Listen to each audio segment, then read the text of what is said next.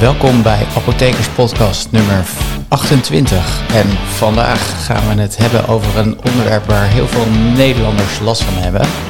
En dat is um, medicatie-overgebruik hoofdpijn. En wat is nou medicatie-overgebruik hoofdpijn? Dat is eigenlijk hoofdpijn die is ontstaan door overmatig gebruik van pijnstillers bij hoofdpijn. En uh, nou ja, dat is eigenlijk, uh, wordt dat, ontstaat dat doordat uh, mensen die hoofdpijn hebben medicatie innemen. Dan gaat de pijn weg, komt de pijn weer terug. Nemen ze medicatie in, gaat de pijn weg, komt de pijn weer terug. En zo heb je een positieve feedbackmechanisme eigenlijk, waardoor mensen die medicatieafhankelijke hoofdpijn, of die, waardoor eigenlijk mensen die, die pijnstiller gaan innemen en daardoor steeds meer um, pijnstillers makkelijker gaan gebruiken. En uh, dat, wat, wat daarbij speelt is dat mensen ook uit voorzorg bijvoorbeeld medicatie innemen. Bijvoorbeeld omdat ze angst hebben om hun werk te missen.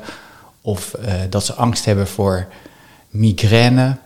Of uh, ja, dat, dat die mensen daardoor hun hoofdpijn of hun, hun medicatie, hoofdpijnmedicatie te snel innemen. En wat je ook wel ziet is dat er bijvoorbeeld onttrekkingshoofdpijn ontstaat. Hè. Dan moet je dan bijvoorbeeld denken aan mensen die cafeïne hebben gebruikt in hun pijnstiller. Uh, cafeïne geeft natuurlijk een soort afhankelijkheid, een soort gewenning aan je lichaam.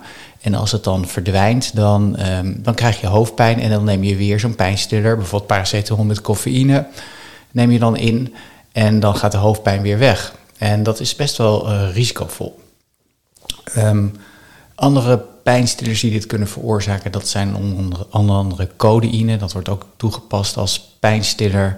En uh, dat kan ongemerkt leiden tot afhankelijkheid. Hè? Want codeïne wordt omgezet in, in morfine voor een groot gedeelte. En dat is natuurlijk een hele goede en bekende pijnstiller.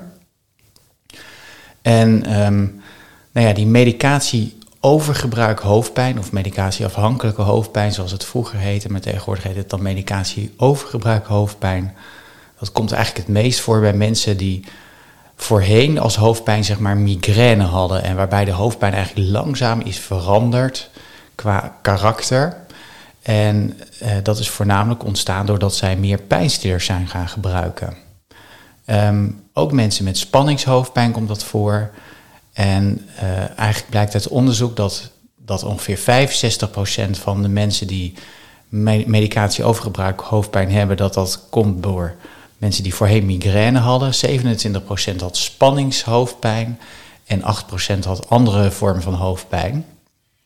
En het komt ook iets meer voor in vrouwen dan in, bij mannen. Migraine komt al veel vaker, of komt al vaker voor bij vrouwen, ongeveer drie keer zo vaak als bij mannen. En dan blijkt dat die medicatie overgebruik hoofdpijn bij uh, vrouwen ongeveer 3,5 keer zo vaak voorkomt als bij mannen. En um, wat we ook wel zien dat vroeger werden in, uh, in, met name in Nederland werd ook veel ergotamine gebruikt. En ergotamine is een geeft enorme vaatvernauwing. En dat leidt ook tot uh, migraineafhankelijke hoofdpijn. Of uh, migraine, medicatieafhankelijke hoofdpijn. En je ziet ook dat mensen die daar dan mee gestopt zijn, maar hun ander medicijn gebruiken, maar dan praten we echt over, denk ik wel 15, 20 jaar terug, dat die nu ook vaker uh, bijvoorbeeld uh, middelen als uh, triptanen, die, die worden gebruikt bij migraine, overgebruiken. En het gekke eigenlijk van die medicatie overgebruiken hoofdpijn is dat dat alleen maar voorkomt bij mensen die hoofdpijn hebben maar eigenlijk niet bij andere soorten van pijn. Nou, hoe vaak komt dat nou voor, hè, die medicatie overgebruik hoofdpijn? Uh, men schat dat er in Nederland ongeveer 500.000 mensen zijn die medicatie overgebruik hoofdpijn hebben.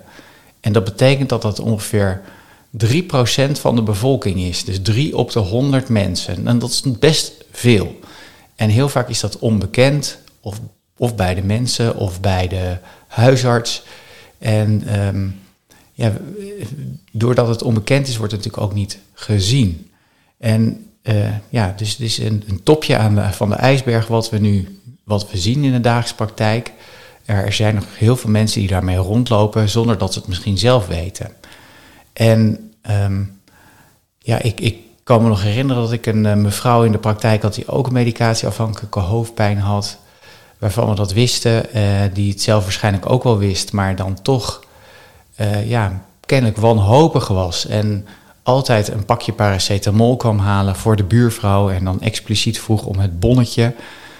zodat hè, dat ze net deed alsof de medicatie niet voor haar was, maar die wel ondertussen elke week wel, wel twee pakjes van 50 paracetamol kwam ophalen. Nou, ehm, dat is natuurlijk een, uh, niet goed voor u, voor, voor, voor, voor mensen die dat uh, gebruiken. Uh, en um, nou, we gaan er nu wat verder op in. Wat, wanneer er nou sprake is van die medicatie overgebruik hoofdpijn, hoe kan je dat nou herkennen? Nou, er zijn een aantal criteria voor opgesteld door de International Headache Society. En die zijn overgenomen in Nederland. En um, die criteria zeggen eigenlijk dat er hoofdpijn van tenminste 15 dagen per maand moet zijn. En dat moet dan gemiddeld meer dan, of gedurende meer dan drie maanden uh, aanwezig zijn. En het moet ontstaan zijn bij um, iemand die voorheen gewoon een ja, episode, ik noem ze episodische primaire hoofdpijn had. Dus die voorheen altijd hoofdpijn had, maar dan af en toe een keertje hoofdpijn. En dan pijnstiller dan maar waarbij dat eigenlijk langzaam is ontstaan naar een chronische hoofdpijn. En het is ontstaan tijdens langer dan drie maanden en gebruik van, uh, je moet, een andere criterium is dat je meer dan uh, eh, 15 dagen per maand ook gebruik moet maken van eenvoudige pijnstillers zoals paracetamol of naproxen of ibuprofen. Hè, dat NSAID's heten die, of paracetamol. Uh, bij gebruik van triptane of ergotamine of opiaten of combinatiepreparaten daarvan van meer dan 10 dagen per maand. 10 dagen per maand of meer. Eh, of een gebruik van combinatie van die middelen bij 10 dagen of meer per maand. Dan is er sprake van medicatie overgebruik hoofdpijn. En het nadeel daarvan is dat op het moment dat je dat hebt, gaat het ook maar door en blijft het ook in stand door die pijnstillers. En dat komt dus eigenlijk voor bij migrainemedicatie, dus triptanen, hè, sumatriptaan, naratriptan, zolmitriptan, er zijn heel veel verschillende. En bij gebruik van NSAID's, pijnstillers, bijvoorbeeld uh, ibuprofen, naproxen, diclofenac. Uh, maar er zijn ook meer NSAID's. Deze zijn de meest gebruikte. Gebruik van paracetamol. Hè, dus, en bij gebruik van opiaten, bijvoorbeeld oxycodon, morfine, codeïne, dat soort middelen, tramadol. Daar komt het bij voor. Um, ja, en dat is, dat is eigenlijk heel vervelend. En soms ontstaat dat eigenlijk zonder dat je wil dat het ontstaat, maar dan ontstaat het wel. Uh, wat we ook nog wel zien is dat mensen die hebben bijvoorbeeld, uh, en dan dat is ook een soort vorm van medicatieafhankelijke hoofdpijn. Maar dan is het meer gebaseerd op voedingsmiddelen. Bijvoorbeeld mensen die door de week heel veel koffie drinken. En dan in, bijvoorbeeld heel vroeg beginnen, om half zeven ochtends of zeven ochtends. Dan eerst wat ze doen is een paar bakken koffie drinken. Vervolgens uh, hebben ze het weekend en dan slapen ze uit. En dan worden ze wakker met hoofdpijn doordat ze, door een gebrek aan cafeïne. Nou, dat is al een teken dat je uh, medicatieafhankelijke hoofdpijn hebt. Of in ieder geval misschien wel daar ook gevoelig voor bent. Nou, zijn er dan nog bijkomende verschijnselen bij die hoofdpijn? Nou, in ieder geval belangrijk is dat er bijna dagelijks hoofdpijn is, dagelijks sprake van hoofdpijn. En het lijkt me ook maar niet weg te gaan. En die hoofdpijn die varieert ook in, uh, in ernst, maar ook soms in locatie waar die, waar die voorkomt. En van tijd tot tijd varieert die ook heel erg.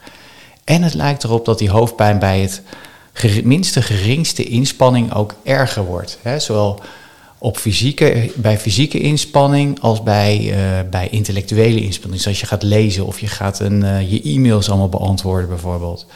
En dan lijkt het eigenlijk alsof de pijndrempel verlaagd is.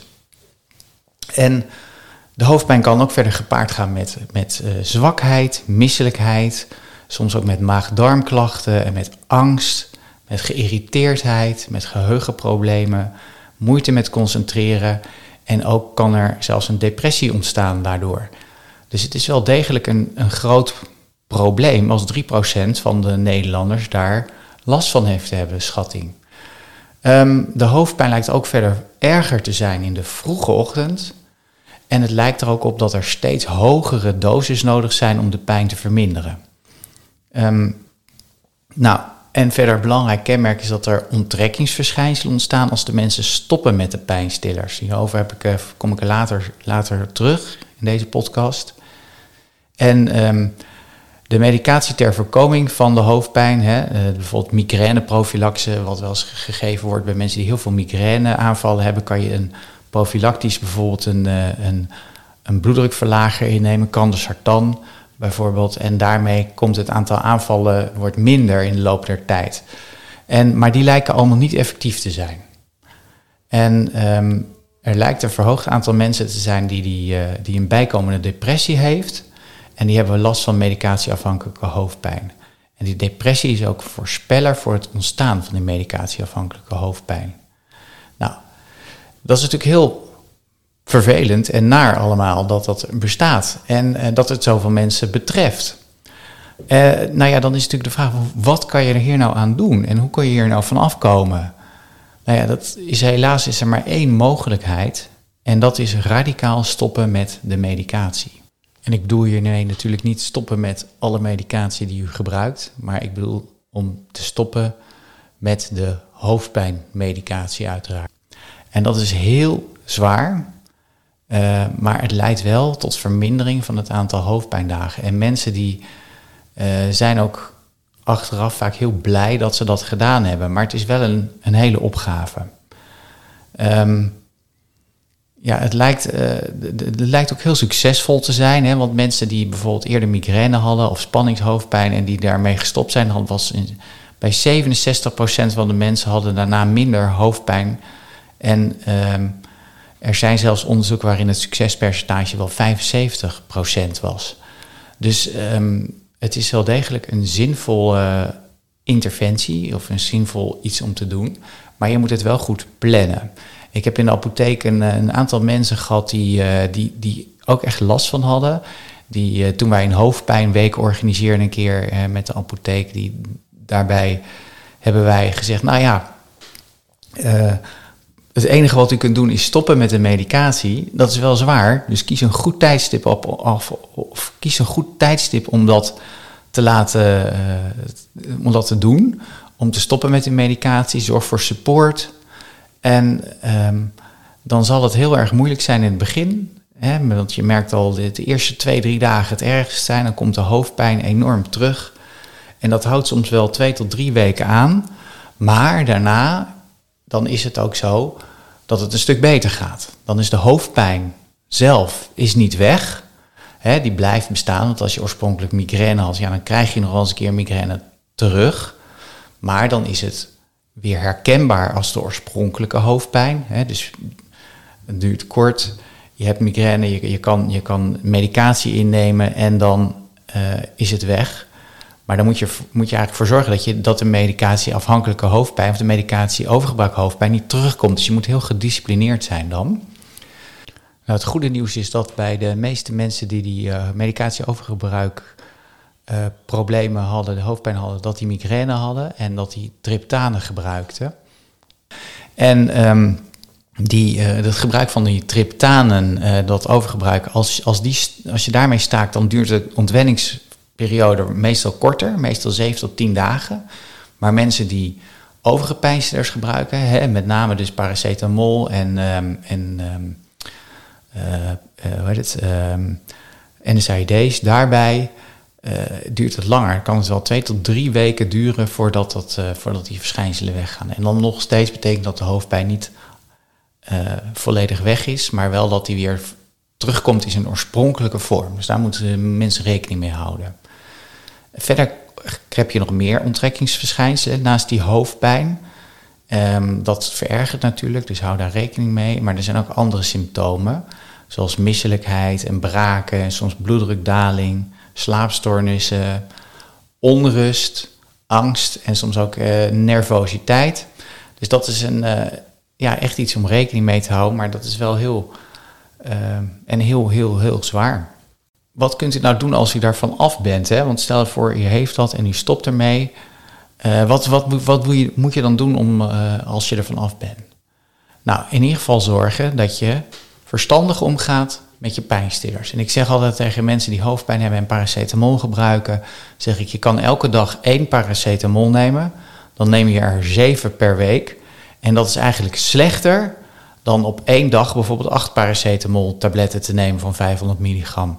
Dan neem je wel meer op één dag, maar de regelmatige inname met name, dat is echt een probleem en dat zorgt ook voor snellere uh, medicatieafhankelijke hoofdpijn. Ehm, en hou er altijd rekening mee dat de hoofdpijn weer terugkomt in zijn oorspronkelijke vorm. Dus staken is zinvol, moet het acuut doen. Je kan niet zeggen, oké, ik heb nu toch weer last, ik ga toch weer pillen nemen. Nee, dat werkt niet. Uh, echt staken, volhouden, dus kies een geschikt tijdstip om dat te doen. Zorg voor support. Hè, zorg dat u niet naar uw werk hoeft bijvoorbeeld. En dan, ja, dan is het uh, toch een hele dankbare interventie blijkt. En um, ja, mocht u, dat, uh, mocht u daar meer over willen weten, dan kunt u natuurlijk het beste even contact opnemen met uw huisarts of misschien met uw apotheker. Maar um, er is een mogelijkheid om daarvan af te komen als u dat herkent bij zichzelf en er vanaf wil. Dit was uh, de Apothekerspodcast nummer 28. Ik hoop dat u het uh, leuk vond. En als u het leuk vond, laat dan een positieve review achter op de applepodcast.nl. Dank u voor uw aandacht en tot volgende week.